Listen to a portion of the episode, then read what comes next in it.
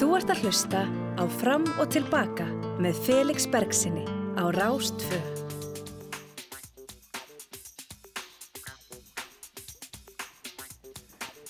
Komið sæl. Þá legg ég að staði þáttinn fram og tilbaka hér á Rástfö. Ég heiti Felix Bergsson og tala til ykkar frá Berlín og ætla að vera með ykkur fram til tíu frétta.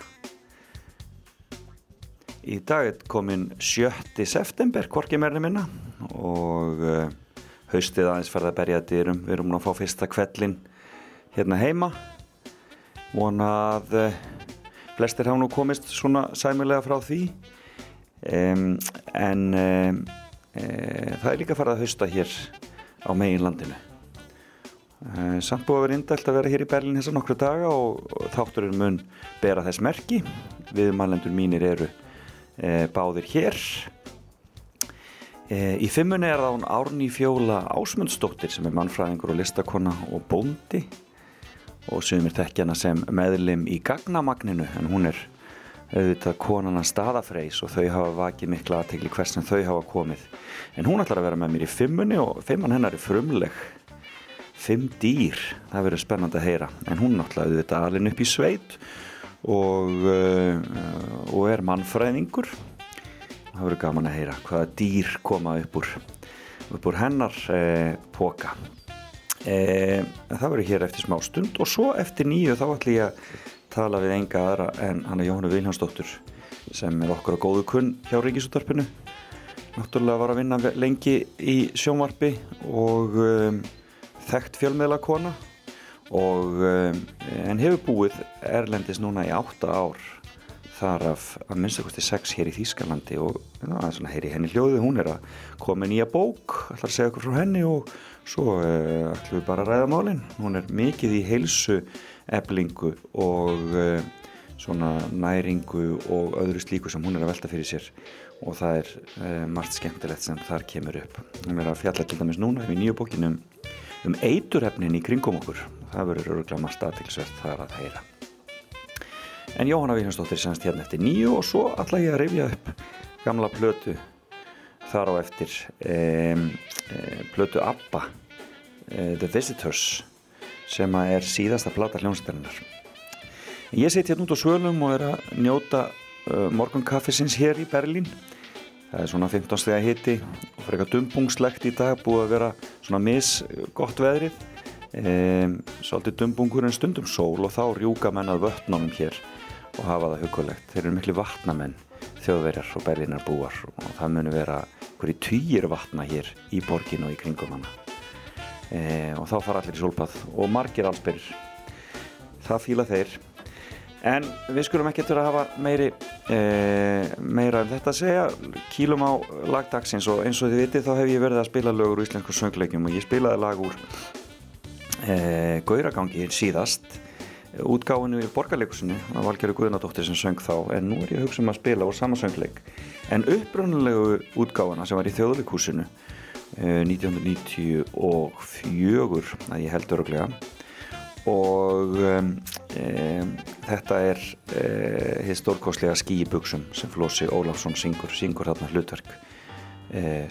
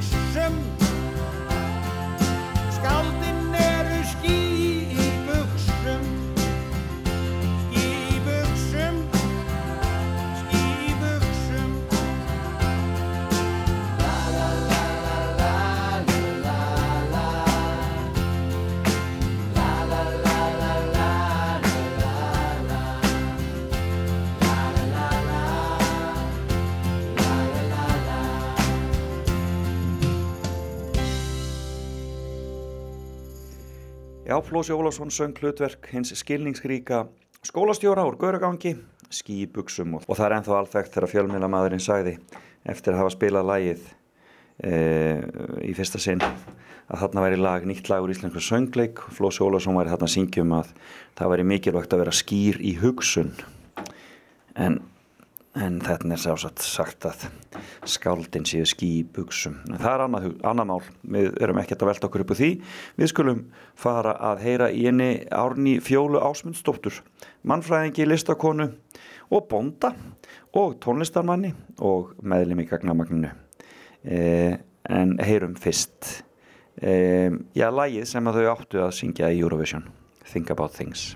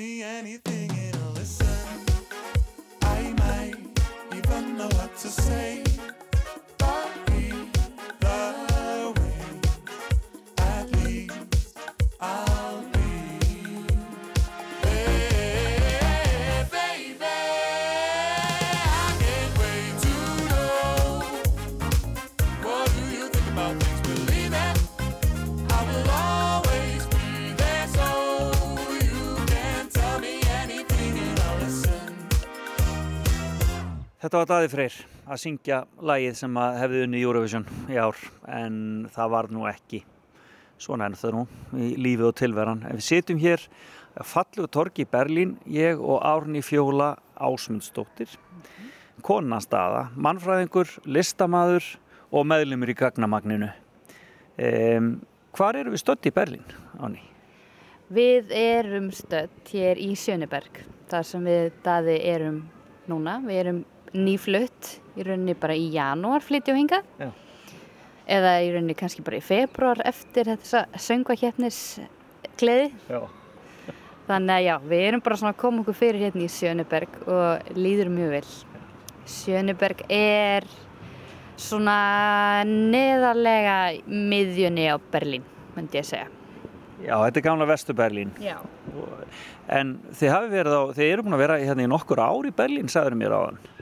Jú, við erum búin að vera í fimm ár. Daði sem sagt kemur hérna út í nám.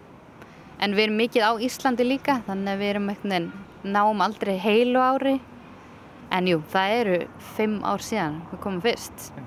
Og þá höfðum við aldrei komið yngi áður. Við fluttum bara beint. Hann fór í nám Já. og þú varst í þínu hvað þá bara fjarnámi hérna eða hvað? Ég reyndar sko að hann fer í nám og ég fer í fjóra mánuði til Víetnam Já. Og kem síðan aftur. Og ég er búin að vera að vinna hérna og ég er búin að vera í leiðsögu mennsku með Berlínum en aðalega í fjarnámi. Og nú, Og, og það er mannfræðin sem þú varst að klára eða hvað? já, það er mannfræðin frá Háskóla Íslands. En þú ert rosalega mikill flakkari og þú ætlar að vera með fimmu fyrir okkur og ég vissum að hún tengist eitthvað þessu flakki þínu svona í gegnum tíðina og mannfræði áhuganum en þetta eru samt ekki menn sem að umræðir í þessari fimmu. Nei, mér langaði að taka dýr. Mér finnst það mjög viðegandi fyrir mig. Já. Svona fætt og uppalinn í sveit. Þannig ég er alltaf með dýr í kringum mig og fylgist með dýrunum þar sem ég er stödd hverju sinni. Og hvað er fyrsta dýrið? Fyrsta dýrið er hinn blessunlega kú, kýrin, belja. Það er náttúrulega, mínir fóreldrar eru sem sagt mjölkubendur og þannig við erum með kýr og það hefur verið alla mína tíð snýst allt lífið um kýr. Já. Þannig að já, kýrnar eru, þær eru svo skemmtilegar. Þær eru eiga sem marga persónuleika og eru til margar sögur náttúrulega hvernig þær hérna, tengjast mínu lífi og hvernig þær hafa mótað mig bara sem einstakling held ég sko. Þegar maður er orðin sjöra þá er ég til dæmis alltaf að reyka kýr út á tún og þá er maður krefst það mikla svona þrautsegjum og er að fylgjast með öllum að alla sé að fara rétt og svo er það alltaf þetta blessa hlið sem þurft að lóka. En já, það er þessi þrjóska held ég. Er, kýr eru þrjóskar og maður verður bara þrjóskast aðeins á móti. Þannig að maður hérna, læri mikið af þeim. En hvar, hvar voru og eru bændurinn þínir, nei, fóröldarinn þínir mjölkubændur? Bændur mínir, þeir eru á skeiðanum, í skeið og Já. og við búum á bæ sem heitir Norðurgarður. Og pappi sem sagt byrjar búa e, og mamma líka þegar hann er 25 ára. Þannig að hann er mjög ungur og er búinn að vera og ég er búinn að vera með þeim í þessu alveg frá upphafi. Þannig ég tala alltaf sko um sveitina okkar og við alltaf þú veist, pappi gerir grína mér þegar ég er alltaf að segja já við erum með þetta svona í sveitinni. Og hann er þú ert aldrei hérna þú gerir ekkert hér. Ég er alltaf að tala um okkur við erum, við erum heild sko ég á stóran hluti í þessu. Já. En ef þú varstu farin að sinna kúnum þá bara kornung? já já. Og öruglega sko 15 ára þá voru mamma og pappi fann að bregða sér að bæ og þá var ég bara með búið sko eins og það laði sig og alltaf í morgumjöldum og kvöldmjöldum og, og öllu bara þessu sem tengist. En við erum líka með svín og hesta og hænur og hunda og ketti og það er náttúrulega fullt af dýrum til að tala um sko. Já, en úr þessari sveit það er náttúrulega, það snýst allt um gýtnar Og þú segir að þær hafi kentir ímislegt. Um, já, kannski, uh, já, aðalega þetta með þrjóskuna, segir við. Ég það, ég er alveg freka þrjósk og maður lærir náttúrulega handbröð í sveitinni bara bjarga sér sjálfur þá er oft eins og með þetta hlið sem ég var að tala um þá gæti maður náttúrulega ekkert farið og hlaupið og náði í hjálp því þá fóru kýtna náttúrulega út um hliðið ég man eftir mörgum svona hliðum sem maður var að eitthvað að reyna að koma því í rétt horf sko. Baksa við að loka og alltaf, og alltaf vesen og, og stóð á sér og svo leiðis. Algjörlega. Einu sem fór ég í gegnum kúahóp hjá nágranna mínum. Og hlupu þeir á hlið og hlupu það niður. En ég náða að smala þeim aftur en þurfti þá að vera hliðið Já. og fram að kvöldmjaldum þá satt ég bara sem hlið og þá var það ekki í burtu. Út af við kýtna færu. Og það sitt satt örglega í þrjá tíma eða eitthvað.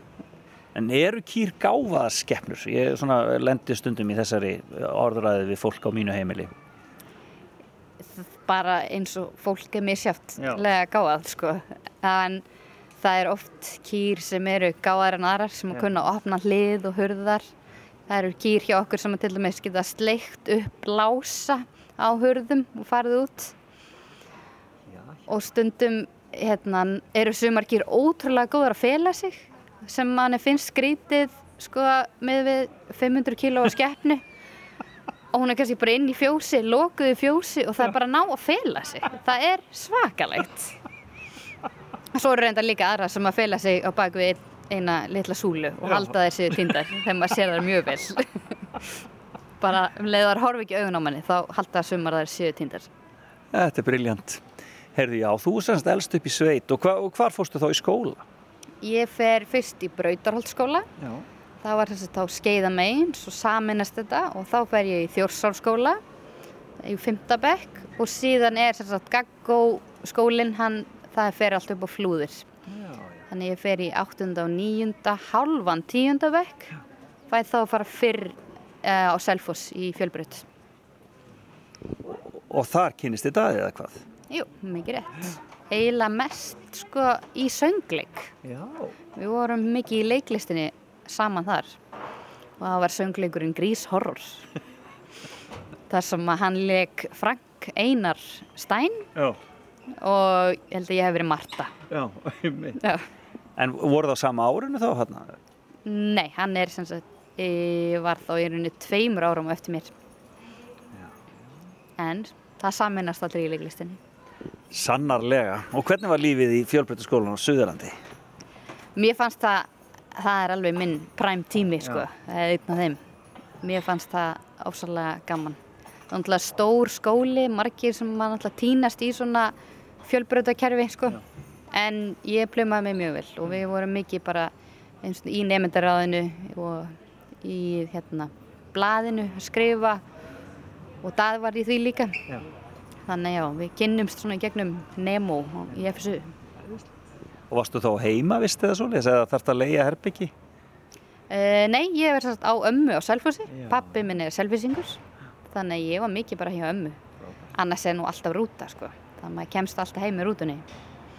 Eða missir á rútun og fer bara á puttanum heim. Já. Það var ekki svo langt. Ekki að hafa miklar ágjur af þessu. nei. Heyrðu, það komaði dýri númið tvö. Við erum búið með kúna. Hvað var næst? Hundar, Já. það við hefum alltaf, alltaf átt hunda. Já. Hefði getað tekið fimm hunda í lífi mínu.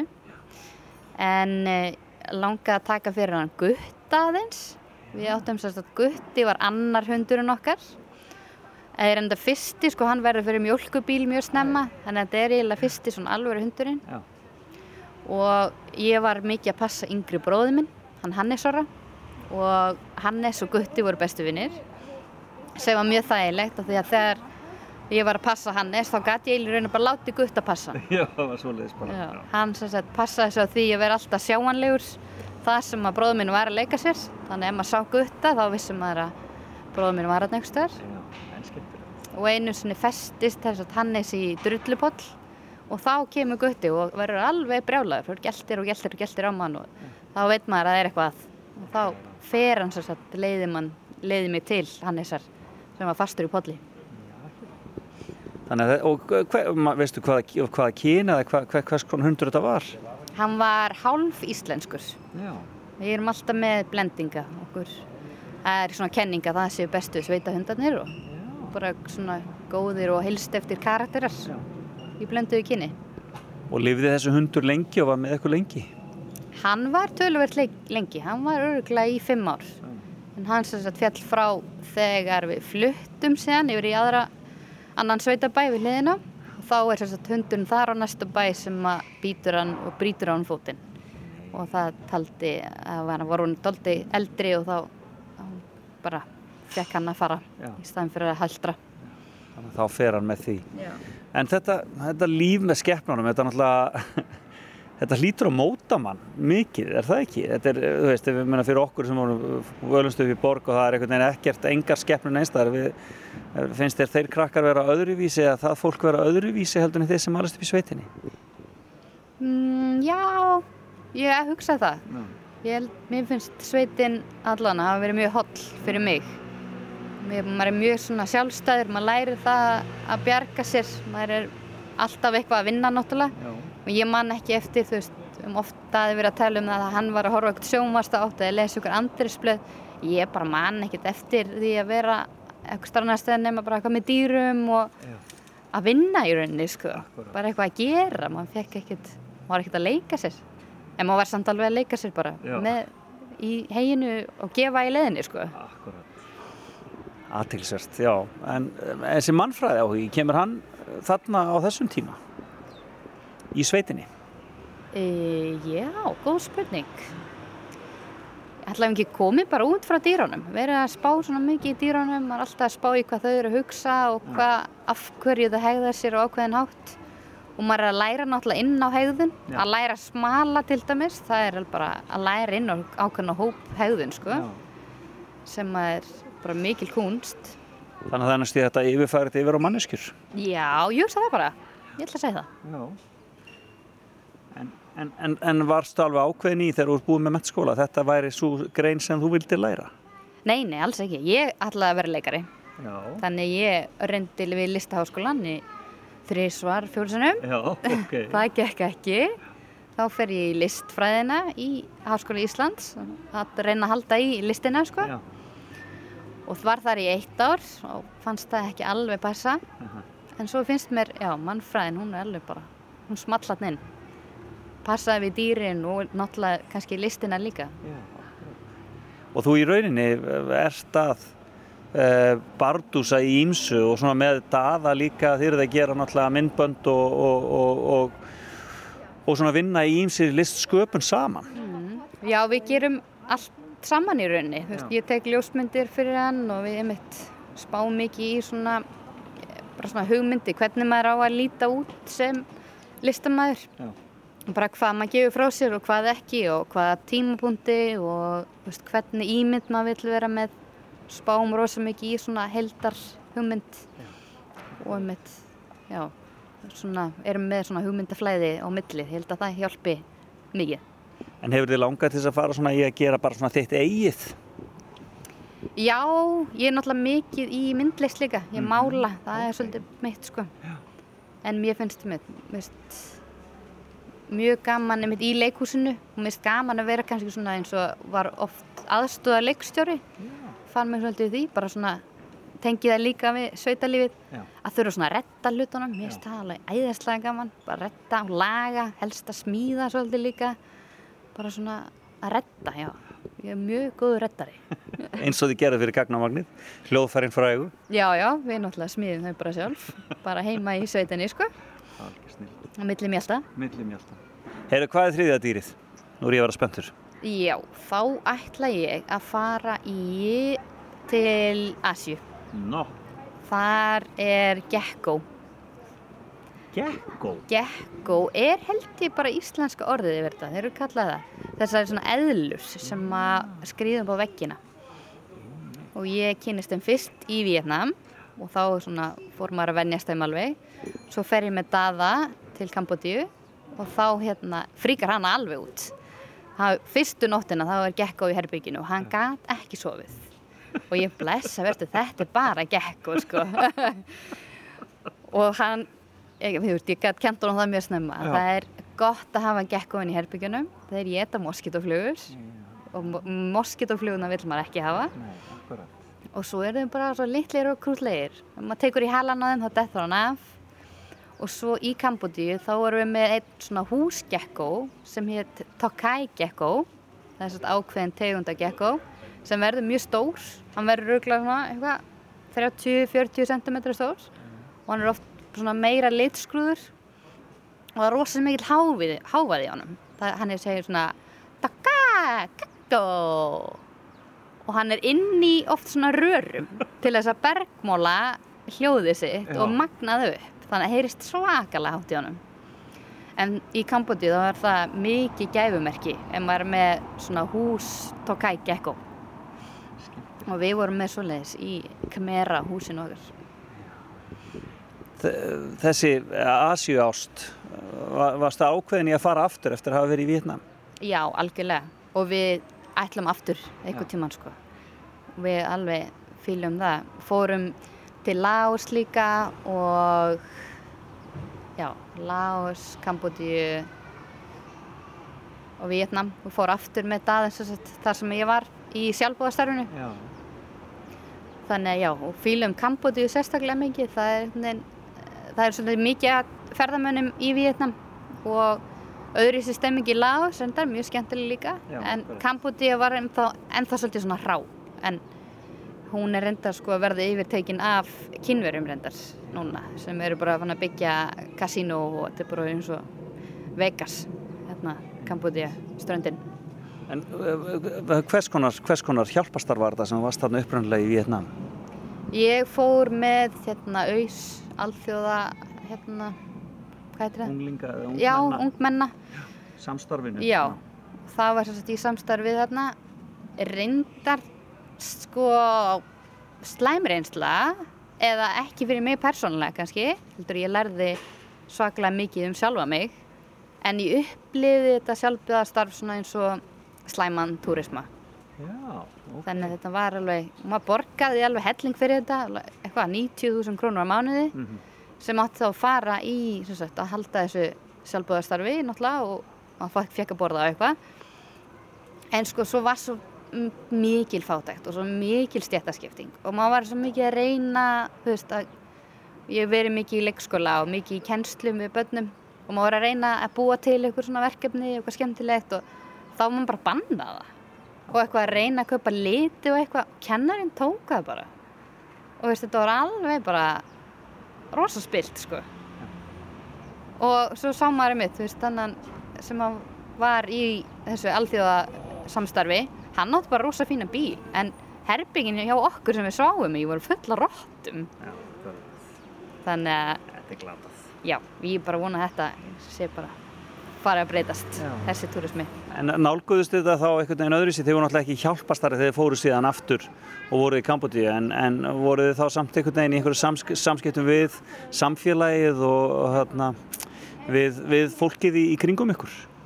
Já, þarna var eitthvað orðin smá brend af svona samtökum sem er náttúrulega alls ekki öll eitthvað ræðileg en þá meint vildi ég gera þetta á einn spýtur og reyna að mitt að kynnast fólki bara á einn vegum. Já.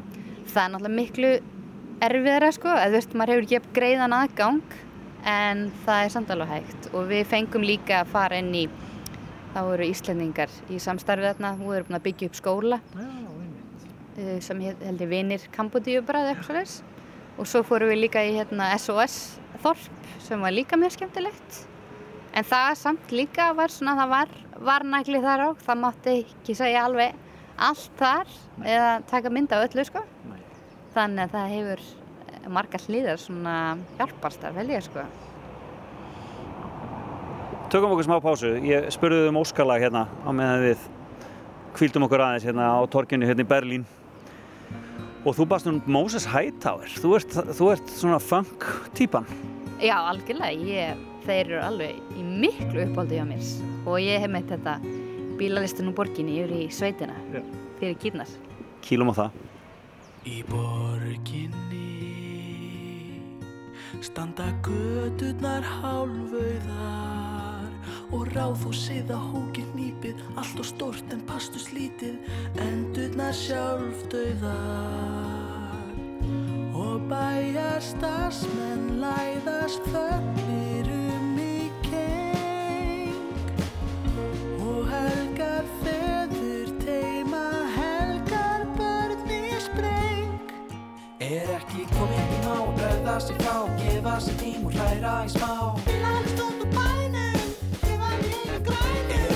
komin tíma og bregða sig frá. Fara og reyna að slaka þess á Ég fýla alveg stótt og bænu maður taka með tónk í blænu Við fjóðu veginn standa kindurnar lifaðar. Þær mæna brosnum, bænaraugum, líka skýjum eða draugum. Ætli þær vilji far. Og um í sólskíninu sveima fyrir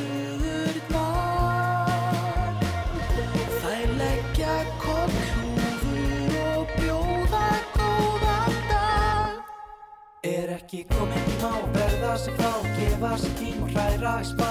Bílalist út á bænum Með flakandi tómi blæmi Er ekki kominn tíma á að berða sig frá Fara og reyna að slaka þins á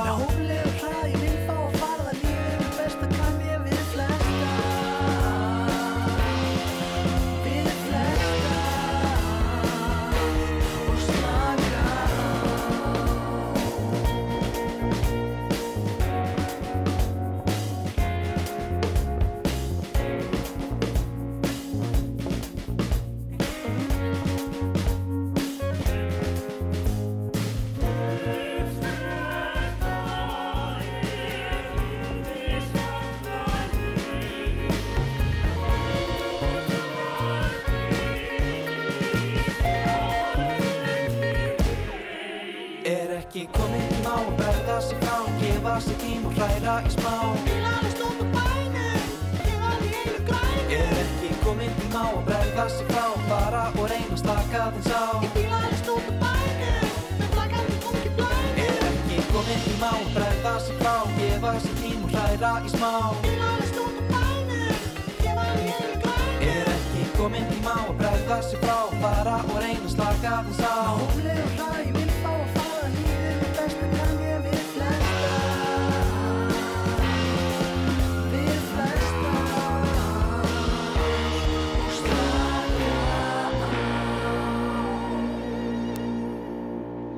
Bílalist út úr bænum, þetta voru Moses Hightower og þetta er e, já, óskalag fyrir hann Árnýju fjólu sem situr hérna hjá mér e, e, og við situm hér bara í, í haustsólinni hér í Berlín það er svolítið haust í loftið þetta núna Já, allt í einu, bara síðustu þrýr dagar kom bara haust. Búið að vera algjör steik Já. í að heita. Ég er búin að vera alveg að drepast úr heita þetta. Ég get ekki þessa 37, já, bara ég kapna, sko. Það er, maður getur ekki sofið, sko. en þið voruð heima í sumar, var það ekki, meir og minna Jú, maður flýr sólina í Berlín, heim í kuldan og svo er það öfugt. Við veturinn heima, þá er maður að flýja kuldan. Já. þá flýr maður í sólina hér. Ekki verið alltaf þessu myrkri á veturnar á Íslandi, sko. Hvernig er veðufar hérna í þessari borg? Bara mjög gott, myndi ég segja. En já, ég þessi hiti, hann fer ítli mig. Ég er alltaf svona uh, norður hér að veraldar típa, sko. En það er rosalega mildt. En einhvern veginn með kuldan og vetuna, það er samt svo fyndin, þó það sé ekki nema sko tvær gráður, þá líður mann eins og sé mínus 15. Já, akkurat. Það er svo rægt að rakin einhvern veginn fer alveg bara smígur inn undir öll föt og bynt inn í bein. Þetta er aldrei eins og Íslandi klætt af sér veðrið. Nei. Það er bara, ef það er kallt, þá er kallt og það er allstaðar kallt. Já.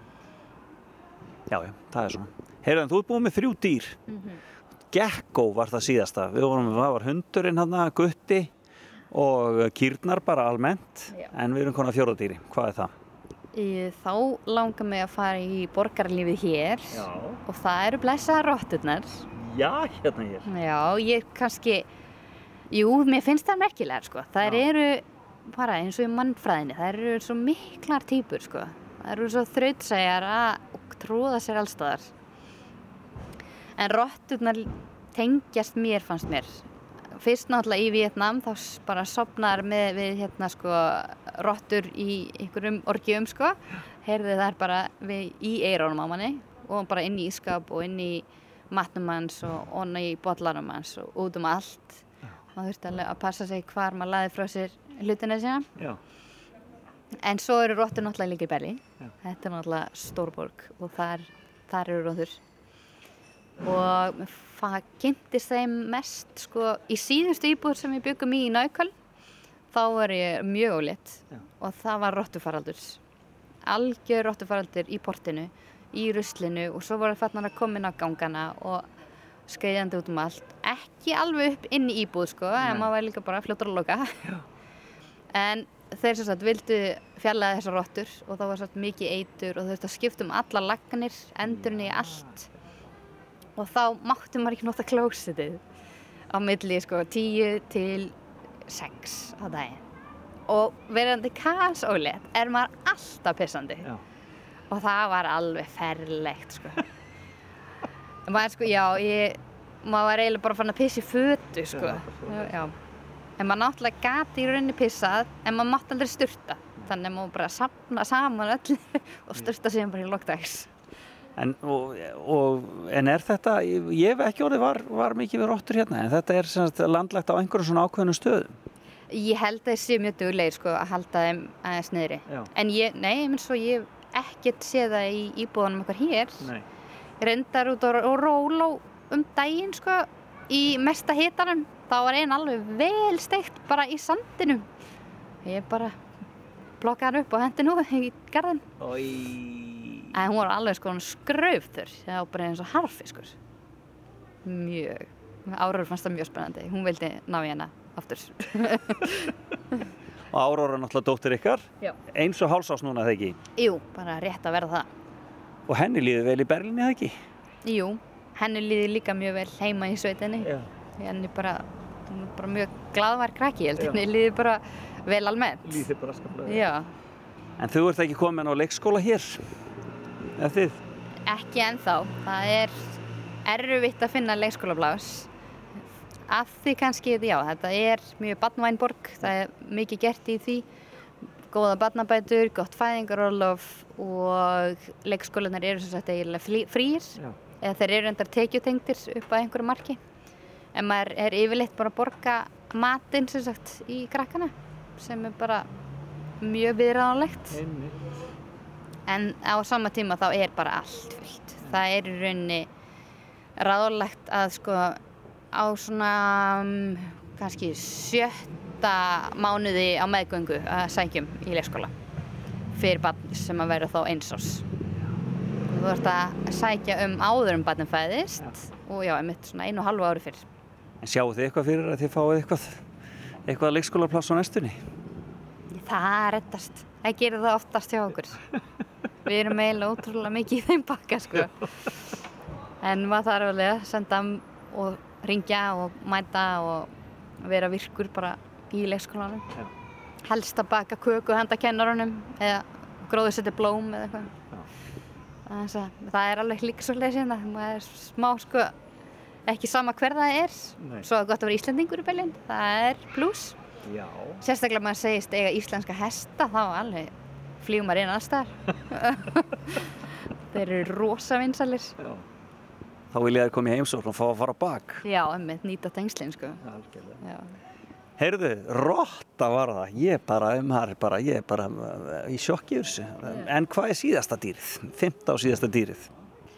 þá fer ég aftur í sveitina Já. og það er hrafnin, íslenski hrafnin ég hef alltaf kunnað að meta hann og það er einhver viska, mikil viska í þeim sko. það er maður er, na, ég ber virðingu fyrir þið. En nú er þeir leggjast þeim daldið á aðra skeppnur. Já, þeir gera það náttúrulega eða strax að þeir eru veikburða þá ber þeir að plokka í þær sko. en þá er líka bara þegar maður sér hrafnin vera að plokka þá veit maður eitthvað í gangi og þá getur maður stokkið út ef að kýr er búin að bera til dæmis þá er hrafnin oft komin í hildirnar þá getur maður farið að leita á kálfinum Já. en þeir gera í rauninni fara ekki dýrin fyrir nóðan mjög veikburða þannig að það er Áttu einhverja sögur af samskiptiðinu við hrafna? Já, amma mín, hún sett átti hrafna eða hjælt hröfnum það var Ólafía og Ólífer það var hrafnapar sem hún var alltaf með. Og það, þeir voru bara eins og hundar sko. þeir voru bara á hlaðinu og hún gaf þeim að borða. Og þá gaf þeir alveg komið til hennar og ég man eftir þessum hröfnum lengi sko, við vorum þarna þá í sveit þar sko. Og já, þau fóru alltaf í sama hreðrið, svo komu ungar. Einu sinni kom mér þess að sjónvarpið tók myndband sem sagt af þessum viðburði þegar ungarnir komu Já. en svo tengi ég svolítið krákurnar inn í Berlín þær eru svona aðeins minn en hrafnar en þeir náttúrulega bara ná frændur sko og aðeins gráir Ég segi við Áróru, það, það séu hrafnarnir hennar og við erum með hrafna út um allt hús heima sko. Við erum með hrafna limmið og svona. Og Áróru, það var eitt af svona fyrsta sem Áróra fer að segja, það er að herma eftir hrafninum. Það er krumma, krummaljóðin. Krummaljóðin. Magnaða skepnur.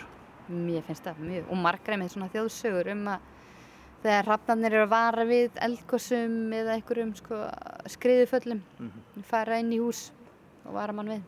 Málar hrafna? Já, mjög gaman að mála hrafna. Þeir eru, svo, þeir eru svartir en þeir eru sko, ef maður fyrir að skoða fjæðirinnar þá eru þar silfraðar og fjólubláar og grænar, svakalega fallegar.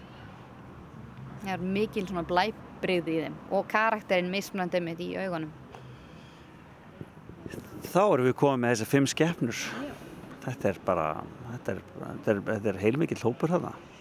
Um, eh, hvernig verður svona næstu, hvernig verður næstu mánuðir og ár hjá ykkur hér í Berlín? Sérðu það fyrir þér?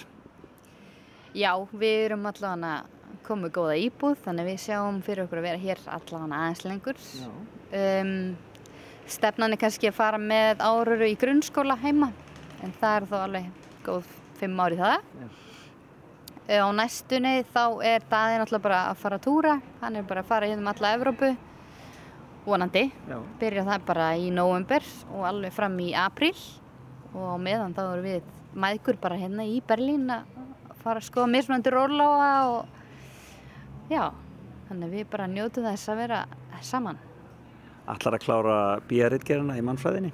Jú, það er líka stefnan að klára hana að blessa það og, og kannski bara skellum maður þessi fleiri sagt, mannfræði nám hérna í Berlín það Já. er mjög skemmtilegur master til dæmis bara, eða mannuð stjórnun til dæmis Já. það er mjög spennandi líka hérna uh, sjónræn mannfræði sem er sem sagt kend í listaháskóla hérna, sem að er líka mjög spennandi. Segðu mér um það, hvað er það? Ég sem sagt þekki einn hann Jón Bjarki, hann var að klára sjónræna mannfræði.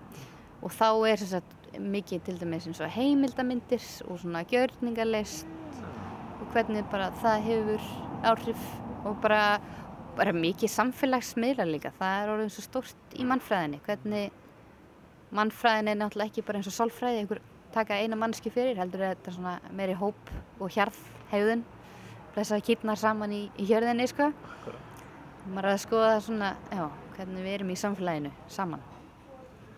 Þetta hljómar alveg ótrúlega spennandi og ég heyra að þið verðið ekki vandraði með verkefnin á næstunni. Eh, Árni Fjóla, hann, Daði, hann samt í lagum þig sem fór í Eurovision hérna á sínum tíma, svo samt hann lagum Áróru sem fór í Eurovision, en þetta nýja lag sem kom í sumar, það eiginlega fjallar um ykkur, ykkur báðar eiginlega. Já, það er sagt bara um bara þetta að vera bara först heima. Við vorum alltaf bara heima först, það var í rauninni útgangubann þarna á þessum tíma. Það máttu bara tveir hittast í Þýskalandi og þá vorum við í rauninni bara við þrjú. Það var bara einingin og maður bara hitti engan annan í sex vikur. Og hann sagði svo fallega, mér langar ekki til að vera með einum öðrum en ykkur. Já, það var fínt sko. Það var bara ljúfur tímar. Takk fyrir spjallið og gangi ykkur vel. Kæra þakkir.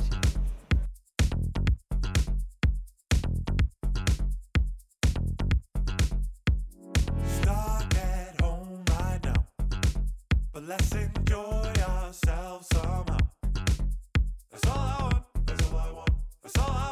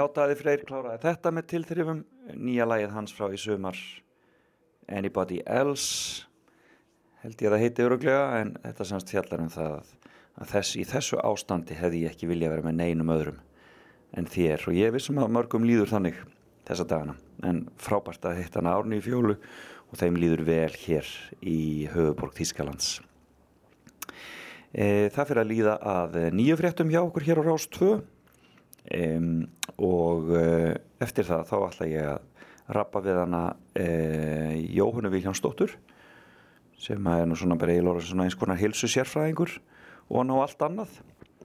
Rithöfundur og já, fjölmjöla kona fyrirvunandi og, uh, og aðdáandi þýsks samfélags. Við heyrum betur um það hér á eftir. En fáum hérna.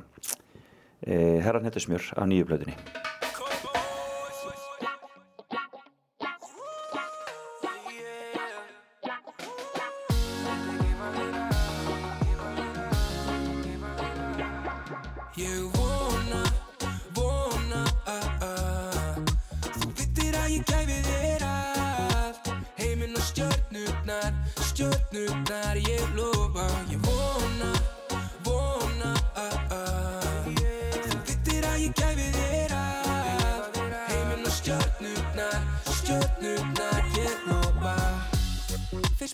leiki sem ég spila ekki. Ég spila ekki ef ég flýg ekki. Gæti verið hóvar en ég líg ekki. Sífælt í nýju Ég pæli minn og minn í álitum Því þeir kom ekki með ávísun. Ég kem hvert sem er í hátísku. Rándýrum, flígul Sama hvar í gangi hjá mér. Í vissin eða allt gengur vel Þá vil ég deila öllu með þér yeah. Ég vona,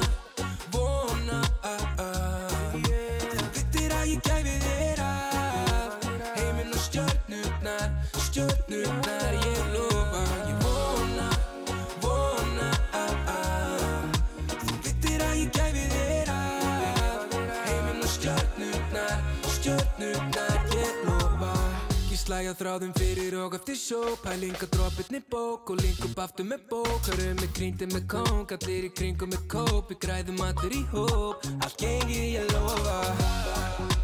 Af hverju ætti ég að stoppa á leiðin og þipa Af öllum blómunum þegar ég er að vera komin í mark.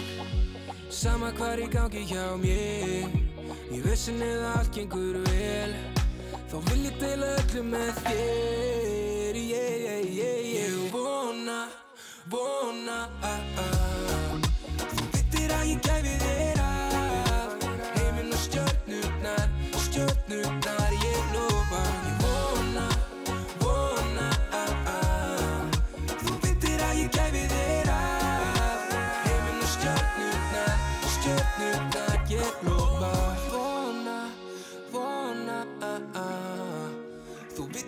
gæfi þér allt Heiminn og stjörnurnar, stjörnurnar Ég lofa Þú ert að hlusta á Fram og Tilbaka á Rástfö.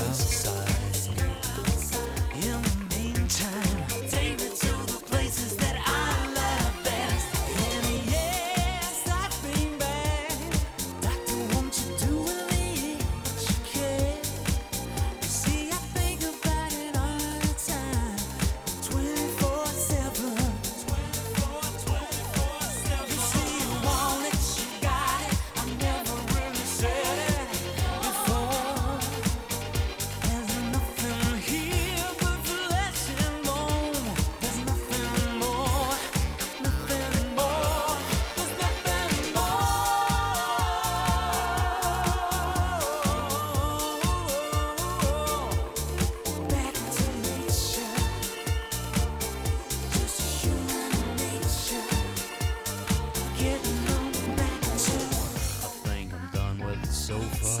I think I'm done with the hall. I think I'm done with the kitchen table.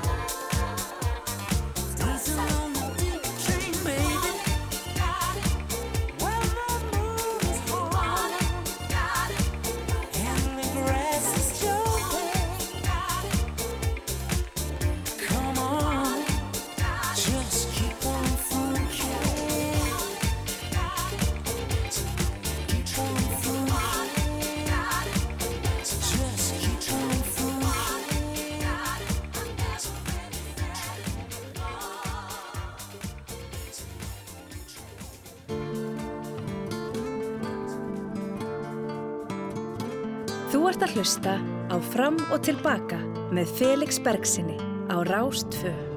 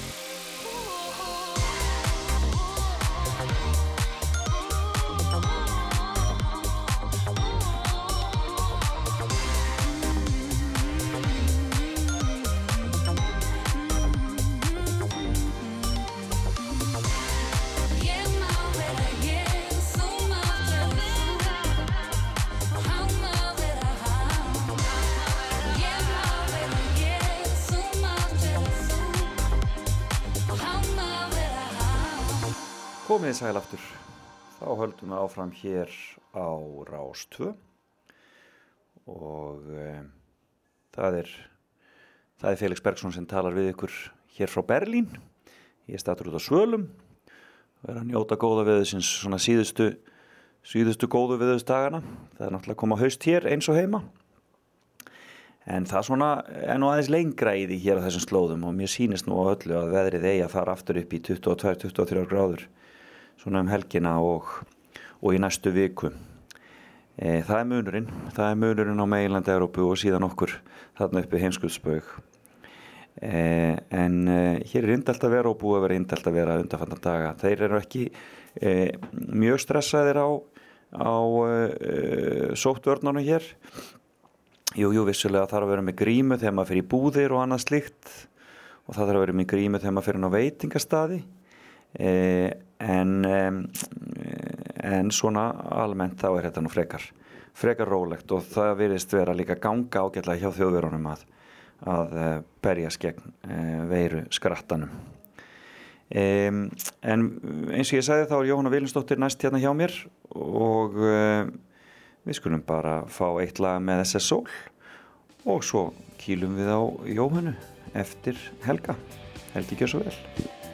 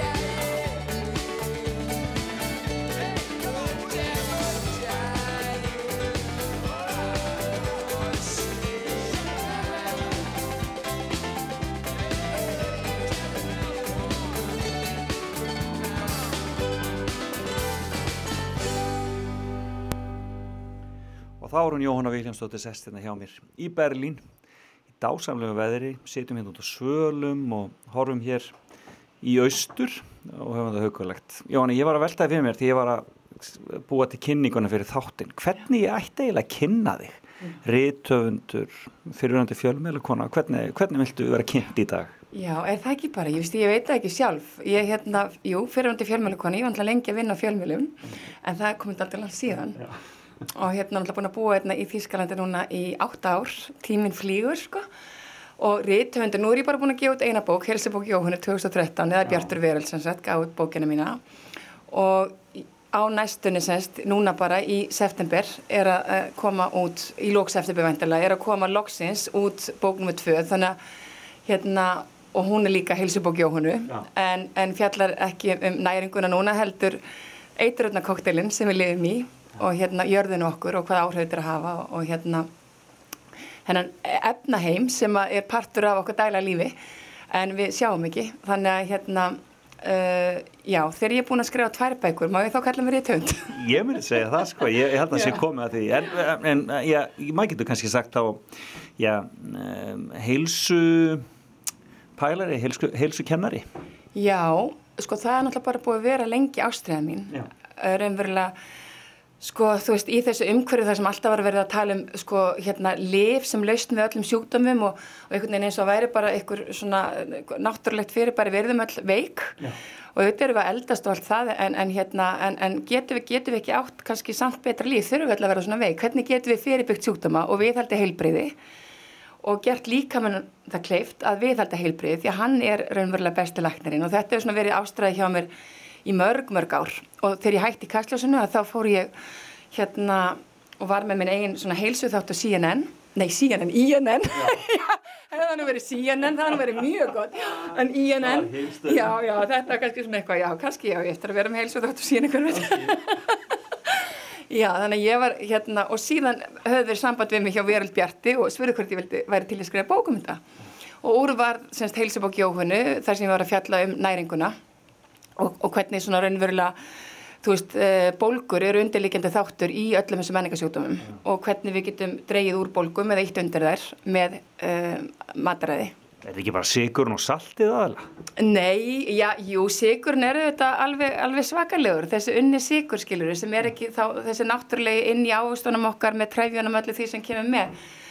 Ég er ekki að, þú veist, saltið hann og kapli í bókinu, sko, bók, helsabók Jóhann er alveg up to date, þú getur alveg lesið hann í dag og hún gil, er alveg í gildi, sko, og það er kapli um saltið. Og auðvitað skiptir máli hvort þetta er svona yðnar salt í unnum kjötvörun til dæmis eða hvort þetta er bara reynt gott óinni salt. Við þurfum öll salt. Og það er, það er eiginlega engin svona, hvað ég segja, svona electrolytes eða steinefni í salt í, í vatnin okkur í Íslandi. Og auðvitað bara sérstaklega auðvitað íþróttamenn sem svitna mikið fyrir að hugsa um það. En nei ég bara hérna bara þú veist bara að, að salta matin sem með, með hérna ég er ekkert að tala um eitthvað óhóflega er alls ekkert óholt. Til dæmis var þetta háan blóðþrýstinga þá hefur komið ljósa kannski skortur og kaljum frekar sem hefur með, með háan blóðþrýstinga að gera frekar í salti sko. Þannig að en það eru til dæmis já, þeir sem eiga bókina getur flett upp á saltkaplanum Já. það er ágættur síðan þurftu sjálfur í vitu en það, það, þú veist, það er alls konar auðvitað hlutir sem að hafa áhrif þú veist og hérna En þetta með eitrunna, ertu þá að tala um það sem við erum að setja í matvælinn okkar og í jarðveginn og annað slíkt? Já, sko ég, þú veist, ég bara, þetta er alveg svakalega stór og mikill heimur og ég er svona að gefa einsinn í hann, þetta er svona meira eins og handbók og hérna, þannig að það er raunverulega hægt að byrja hvar sem er í bókinu þannig laga skiluru, en, en er, þetta, þetta eru mörg hundruð þúsund efni sem er á markaði, sko, manngerð efni. Og þetta eru ekkit öll eiturefni, en það er fjöldi hættulegur að vara samar efna þarna og þetta er orðinu þetta bara, hérna, já, þetta er orðin daglegu partur okkar lífi og þau geta verið í matnum okkar, við erum auðvitað að nota eiturefni í ræktun, við, þó kannski Íslendingar, við höfum til lána að fagna að hérna, þurfi ekki, eða þú veist, notum mun, mun minnað eiturefni í ræktun heldur en til dæmis hérna á meginland Evrópu En, en svo er þetta líka efni sem hafa verið sett bara eins og eldvartanefni sem eru sett í, í ramastækin okkar og jafnvel sófan okkar og rúmin okkar. Þú veist, við erum að tala um auðvitað allir þessi plastefni, þú veist, jafnvel mýkingarefni í plast, uh, efni sem er í snirtiförunum okkar, efni sem er í fötunum okkar, þú veist, þetta er, þetta er alveg rosalegt uh, raunverulega þegar maður fer að skoða þetta og komir alveg óbúslega mikið óvart hvernig raunverulega ástandið er og maður hefði alltaf haldið að hérna, maður væri pínlítið svona örugur að, að í þessum uh, daglegu neslu vörum væri, væru ekki skali efni en, en það er langt í frá. Þráttur auðvitað, þú veist, það má samt sem var kannski líka taka það fram að, að það er sko mikið og gott starf sem hefur verið unnið líka innan Európa-sambandsins, þú veist, og, og, og, og hérna, og reglugerðin eða semst reglurnar um þessi efni bara eru hvað strángastar í heiminum innan Európa-sambandsins, en betur má að dögskal og það eru sko til dæmis hvernig um, þú veist þessi lámar skamtara eituröfnum eru fundnir út hva, hvað við þólum í sjálfi sér eh, hérna hefur verið mikið gaggrínt og raunverulega þessar eituröfna rannsóknir eru mikið gaggrindar og, og mikil umræða innan, innan þessa efnaheims og vísindaheims um, um bara þessar aðferð sem við notum sem að mörgum finnst úreldar til dæmis varðandi hormonaraskandi efni sem eru til að mynda í plastvörum og, og, og hérna í, í snirtuvörunum okkar þú veist, það eru til dæmis, og jafnvel sum þessara hérna eldvarnarefna sem verða að nota, það eru til dæmis efni sem að sko, talið er núna samkvæmt bara nýri þekkingu eða þú veist, þekkingu sem hefur verið að koma fram á undarförnum já, áratugum samt sem áður, sko að hérna, að þau hafa engin lámörk og þetta snýst raunverulega kannski stóra máli snýst um fóstur og unga börn. Því að þau, sko, þessi efni er í hverju einasta mannspann í dag og mest í fósturum unga börnum þannig að það er kannski, og því að þessi efni geta þá haft það áhrif bara í ákveðnum viðkvæmum gluggum í sko, sköpunin og þróuninni að, að, hérna, að þau geta haft skali áhrif til langframa Þetta er ótrúlega áhugavert og verður gaman að lesa þegar bókin kemur. Átta ári í Þýskalandi, hva, hvernig, hvernig, eh, hvernig byrjaði þetta allt saman? Já, sko átt ár, sex ár í Þýskaland og tvö ár í Östuríki bara okkur langaði bara einhvern veginn að, að hérna, svona prófa eitthvað nýtt, flytja út og, og við ákvæðum semst, við semst bara ákvæðum og, og, og, Geir maður minn spyrir sig sem að er náttúrulega hérna er búin að var búin að taka sér frí frá handbolta, var náttúrulega búin að spila handbolt í mörg ár og þjálfa líka en ekki búin að gera það í mörg ár, getur ekki bara nota handboltan bara, væri, hvernig væri, væri bara hérna að æfa, en að þjálfa minni, þú veist, já. Og hann fekk tækifæri til þess og við að fara til Östuríkis þar sem við byggum bara við Bótense að bara á indislegum stað. Þannig að hann þjálfaði brekas í tvö ár og síðan fluttum við til Magdeburgar þannig að fór að þjálfa þar. Og, og hérna hann er svo sem löngu hættur að þjálfa Magdeburg en, en okkur hefur bara liðið það vel hérna. Við búum fyrir utan Magdeburg, við búum hérna bara klukkutíma frá Berlín bara út í sveit, inn í skógi og hérna í indislegu húsi sem er frá 1935 sem var brúðkaupskjöf á sínu tíma. Já. svona svo Taj Mahal. Já. þannig að við búum í svona litli Taj Mahal. Já, en með risa lóð og, stóran grammetiskarð og ég náttúrulega bara, þú veist um, við erum að rækta mikið bara og auðvitað allt lífrænt án eitröfna sem er bara stórkostlegt. Og hérna Bræðast það betur? Já, allt sem að gera líka sjálfur bræðast Já, betur, já. þú veist, já, og líka því þetta er svo ferst og, og hérna, og, og bara vita það, þetta er reynt, að þetta að eitröfni hafi ekki verið notuð, hérna, að það er bara líka veitir manni svona bara gleði. Og börn í gangi skóla hér og svoleiðis? Já, já, þau eru hérna, sko, við eigum tvö stórbönn, Já. svona, þau eru ekki böllingur, þau eru bara fullorðin einstaklingar sem eru nálgast 30, hérna heima, svona skeirs, Arnarsveitn og dóttir mín Anna og hérna síðan eru við með þrjú hérna úti og þau eru öll búin að vera í skólum hérna og bara í Austriki og þannig að hérna til dæmis yngsti sonur okkar kom hérna út kom til Austriki þryggjára sko. Þannig að það er búin að vera meira hluta æfinar í þýskumælandi löndum. Og raunverulega kannski, já, það má bara segja sem svo að þeir tali betur þýsku en íslensku sko en þeir tala fína íslensku sko. En, en þetta er bara eftir svona mörg ár það er, já, það er bara það er þannig en, en líður mjög vel já. Og þú er ekki töksaður að fara í einhverja fjölmiðla mennsku hér eða eitthvað, eitthvað slíkt? Nei, veistu, það er nú stundu komið upp eitthvað svona, þú veist, til að byrja með þetta tala ég bara ekki nógu góð þýsku að ég gæti það. Ég hugsi myndalveg kannski geta það í dag en, en, en samt sem áður, sko, ég hef þetta tala þýsku með reym en ég get samt alveg tjáð mig, þú veist. Og hérna, þannig að, jú, ég meina, hva- hver veit, nema maður bara, þú veist, skelli sér í það hérna úti en, en við tökum alltaf bara svona, þú veist, kannski ekki hvert dag fyrir sig en svona hvert ár fyrir sig. Þannig að, hérna, og svo náttúrulega eins og ég segi, bara, varðandi þessi bókaskrimi líka því myndi maður vilja þú veist þýða þetta og, og gera þetta kannski fyrir þú veist aðeins stærri markað og, eftir fylgja því eftir hér til dæmis, ég veit það ekki það, hérna, þetta er svona allt í, í vinslu já. Ú, þetta er dásanlegt. Hvernig, hvernig, hvernig kemur svona þýst samfélag þér fyrir sjónir? Er gott að búa hérna?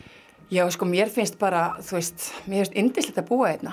Þú veist, þjóðverðin eru þetta pínu svona, þú veist, hvað ég segja, þegar þú býrði svona stóru miljóna samfélagi, þú veist, að þá, þetta, hann er svona meira innrammaður. Við erum auðvitað svona meira lús og hérna kannski vilt og, og ekki eins svona struktúruð og, og hérna plönuð eins og þjóðurinn. En indislegt fólk, bara indislegt fólk og hérna, um, Já, og, og svo bara eins og ég segja, búa hérna rétt fyrir utan Berlín og, og eins og ég sagði við þegar ég kom hérna, þú veist, að taka með sér hjólið og fara í lestinni og, og hjó, bara koma hérna til Berlín er mist bara dásamlegt, mér finnst bara indislegt að vera hérna. Og svo eins og segir, þú talar um góða verið og auðvitað er það alveg gríðalegu pluss, það eru lífskeiði, þú veist, ég menna auðvitað, ef maður býr á Íslandi að þá sko, eins og við vorum á Íslandi í sumar, bara, bara 16 gráður og sól er bara geggjað, það er bara steik. Þú veist, þannig að við, ég, veist, það er alveg hægt að læra að meta það, en síðan kom allar appisuna læðarnar eða guli viðverðnar og hvað sem þetta heitir alls saman. Og maður er kannski stendur út í garði hjá sér bara í sól og, og, og þú veist, indislegu hausti eða indislegu vori, þú veist, þetta eru lífskeiði og hérna, já, mér bara, okkur líkar alveg svakalega vel og þess vegna erum við náttúrulega ennþá hérna, þú veist, já. Frábært. Þannig að bókin kemur í lok september og fáum við þá að njóta þess að sjá þig eitthvað heima. Já, bara, en Ísland er náttúrulega eins og er bara eitt lokasta land í Evrópu, þannig lagað með þessari fymta sótkví og allt það og það verða uh, hérna að kansilera öllum flugum til Íslands en hérna, já, ég bara auðvitað stefna því að koma heim að sjálfsögðu og hérna og tala eins um efni bókarinnar og, og svona kynna þetta. Þetta er, þetta er eins og ég segi, sko, þú veist, auðvitað er það alveg heilmargi þættir sem hafa áhrif á heilsun okkar, þú veist, bara næringin okkar, reyfingin, svefnin, félagsli tengsl, þú veist, uh, já, það er bara, en, en, en þessi heimur er auðvitað, þú veist, þetta, hvað ég segja, þú veist, við kannski, þú veist, í öllum ákafanum eftir, já, bæði tækninni og, og, og hérna, og jafnvel peningum og annað, þá kannski svona, við ekki passað okkur nógu vel og þetta er auðvitað ekki bara um partur á jörðinni sefni, þú veist bara á 70 árum er hver einasti skiki jarðarinnar mengaður af þessum efnum, þú veist þetta er náttúrulega ótrúlegt. Þannig að þú veist, en, og, og eins og ég segi sko, svo er þessi efni orðin partur af okkar efnafræði og efni sem að ég vil breyta sko, hafa áhrif á hormónakerfin okkar og fleira og fleira og geta ítöndu krabba megin og og hérna, og jafnvel uh, svona, þú veist, hjá krökkum namsörðuleika, þú veist, uh, aðteglisbrest og þessi, þú veist, sem hafa með tau- taugakerfið að gera og heilan. Þannig að, að við þurfum að staldra við og við þurfum að, að, að, veltaði fyrir okkur hvert við erum komin. Og líka þetta samband okkar við náttúruna vegna þess að við þurfum auðvitað átt okkur á því að við hefum kannski, þú veist, glemt okkur alltaf á leiðinni, þú veist, við erum hluta af öllu þessu kerfi sem er. þú veist, við erum náttúran, ekki bara við og náttúran, við erum náttúran og við þurfum auðvitað að hafa okkur eftir því, þú veist, allt sem við gerum náttúran gerum okkur. Þetta verður interessant og ég vissum að það verður margi sem vilja fá þig til að koma og, og tala um efnisara bókar þegar þú kemur heim. Það verður bara gaman að sjá þig. En kæra þakki fyrir spjallið hér úti í Berlín. Indislegt að koma í heimsókn, takk fyrir mig.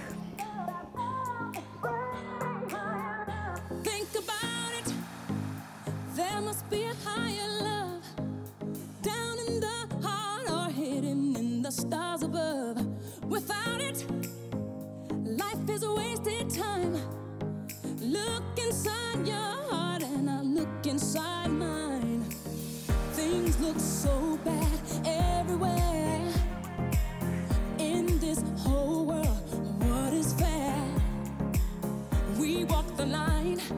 try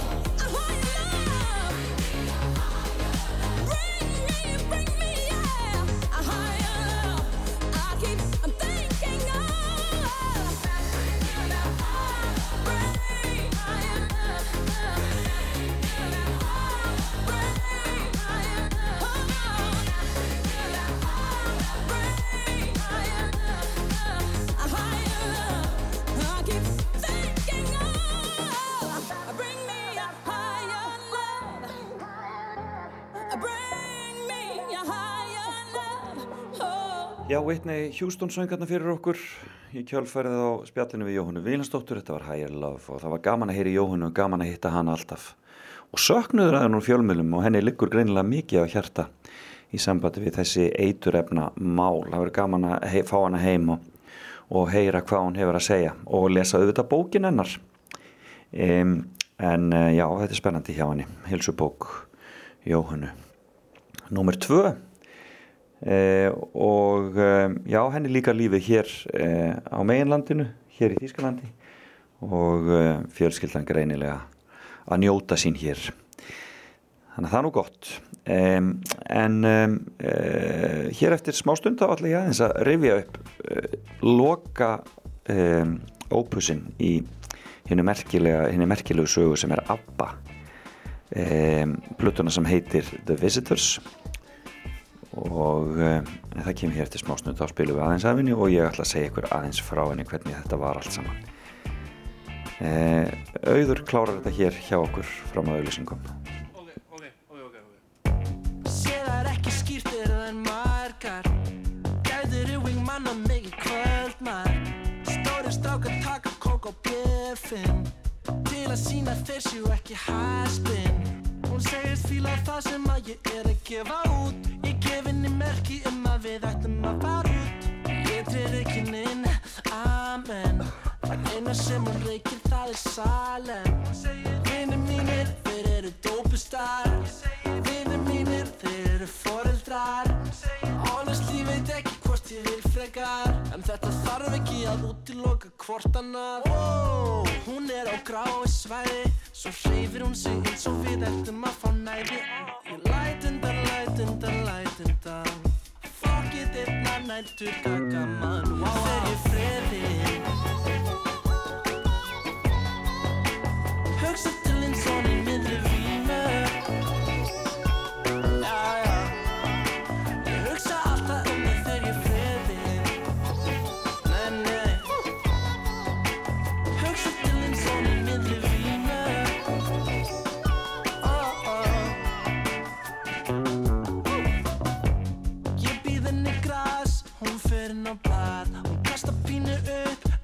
saman það. Mér langar bara að sjá, sjá hana. Mér langar bara, bara að sjá hana. Kontu síkarettan mín, kontu til mín. Kontu að sýnda þú sett mín, kontu til mín. Horfum á hryllingsmynd. Við endumst í tímín Hver er munurinn á rútinu og vítarring? Hver er munurinn á dópinu og vítamín? Ég held ég sé ekki með nógu mikið úthald Til þess að vera í sambandi sem er útpælt Ertu tilbúinn að horfa fram hjá göllunum?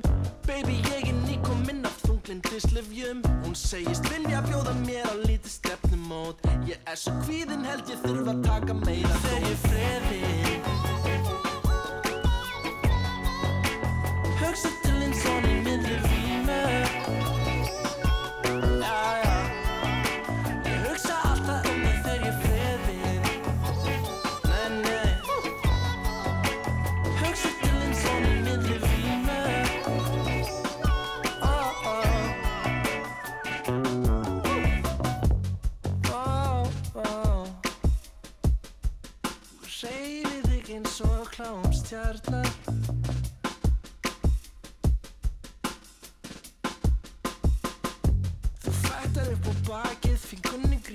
Þú tekur mig alls takið, wow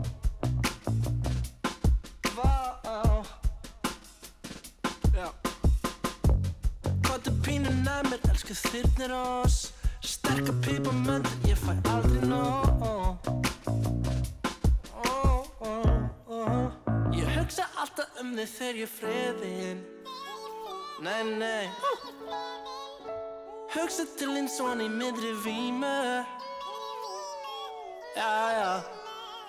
Ég hugsa alltaf um þig þegar ég friðin Nei, nei. Hugsa til eins og í miðri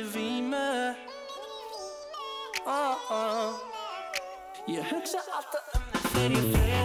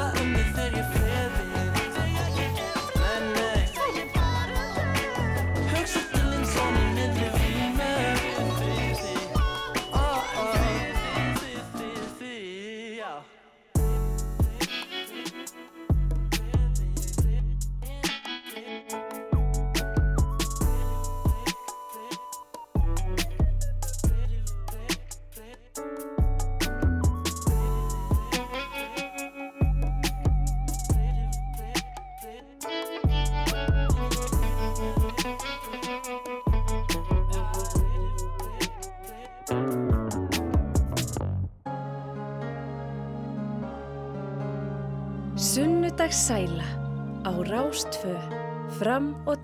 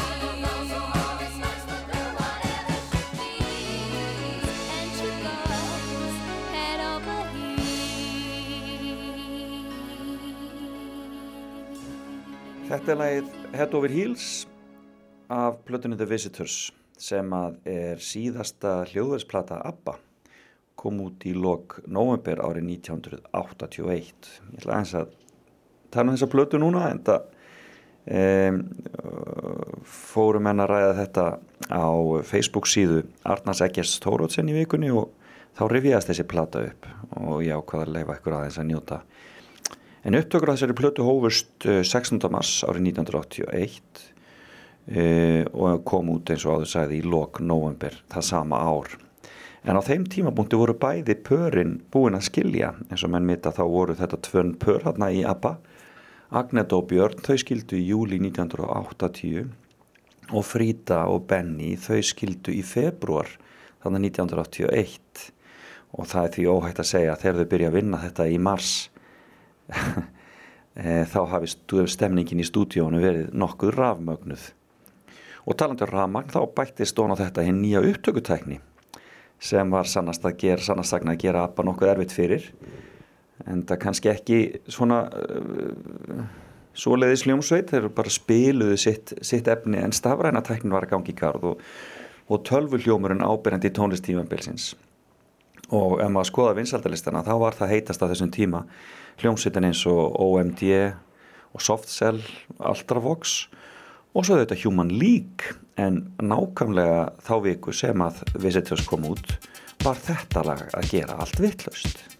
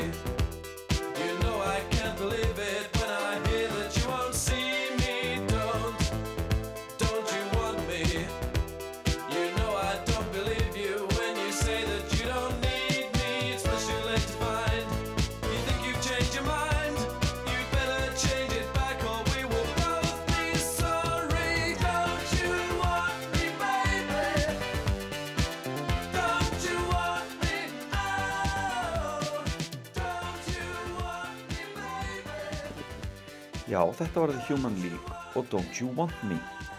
En í þessari Facebook fæslu frá Arnir Ægjert talar hann einmitt um að Abba hafi ótrúðinsatt náð utan á þessa nýju stefnu og engar flottan máta, svona sinn máta. Um, hann fjallar hér um eh, uh, titila plötunar The Visitors tilvöktun hefst. Þetta laga svo mikil snild Abba púlar Human League kraftverk árið 1981 og opnar svanasöngin með kuldalegri kaldastriðis epík. Gjörsanlega í takt í tíman en ekkert panik, þau eru ekki elda heldur bara að uppfara hljómin með bravúr, þessi svölu popsmíða völundar sem þau voru.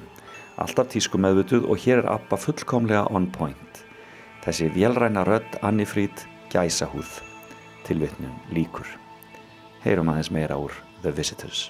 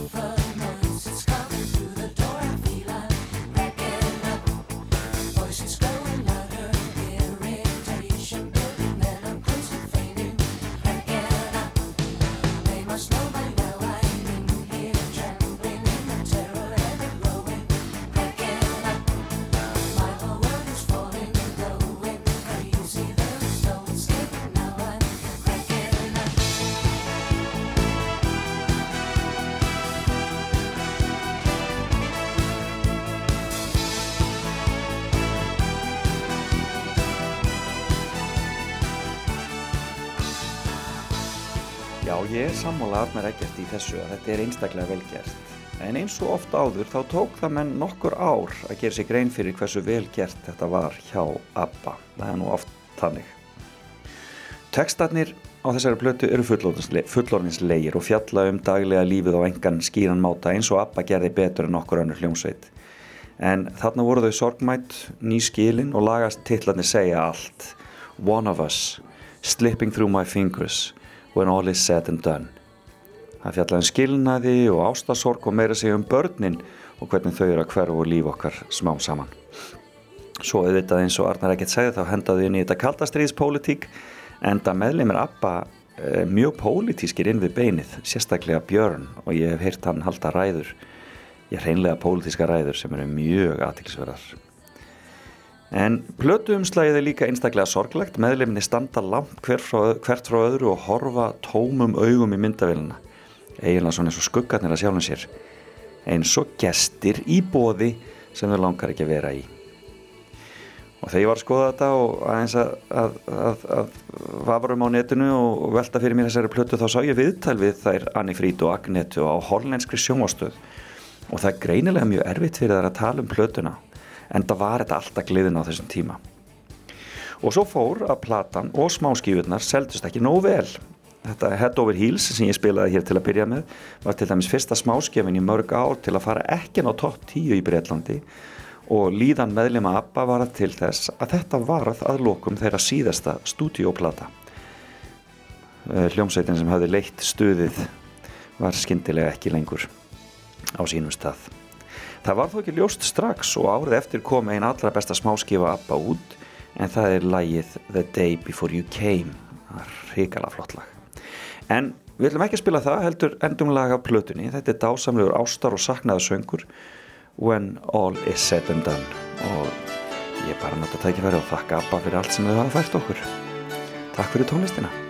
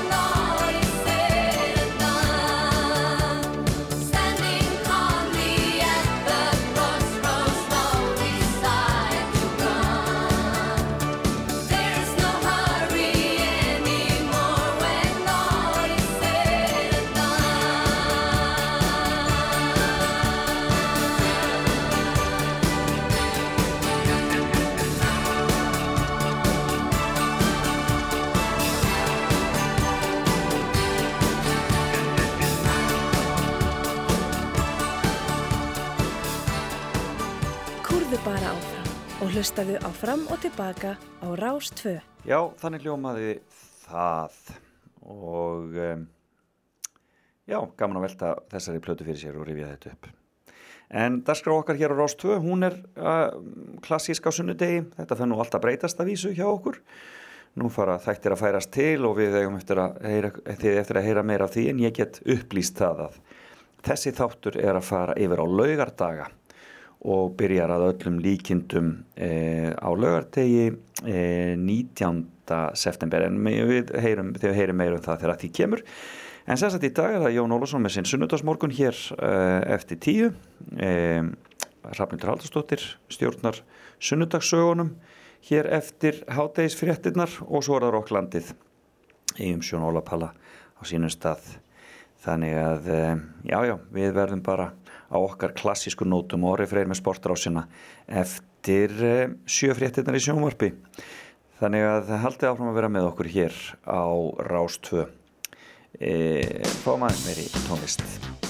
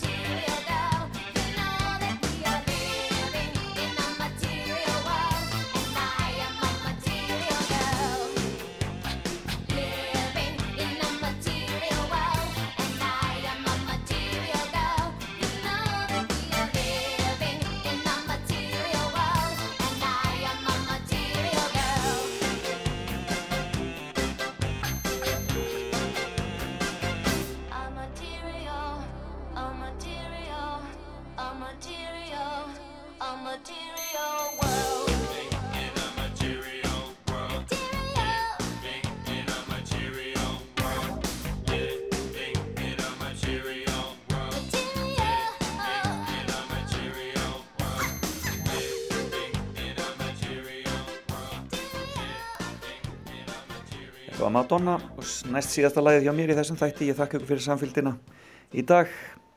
Eh, hlakka til að vera með ykkur aftur þetta viku. Eh, vonaði að við notið og eigið eftir eiga góðan dag. Svona kláratum við steppa Hilmas nýja lagið hans heitir Súkulega og Sikur Bless bless.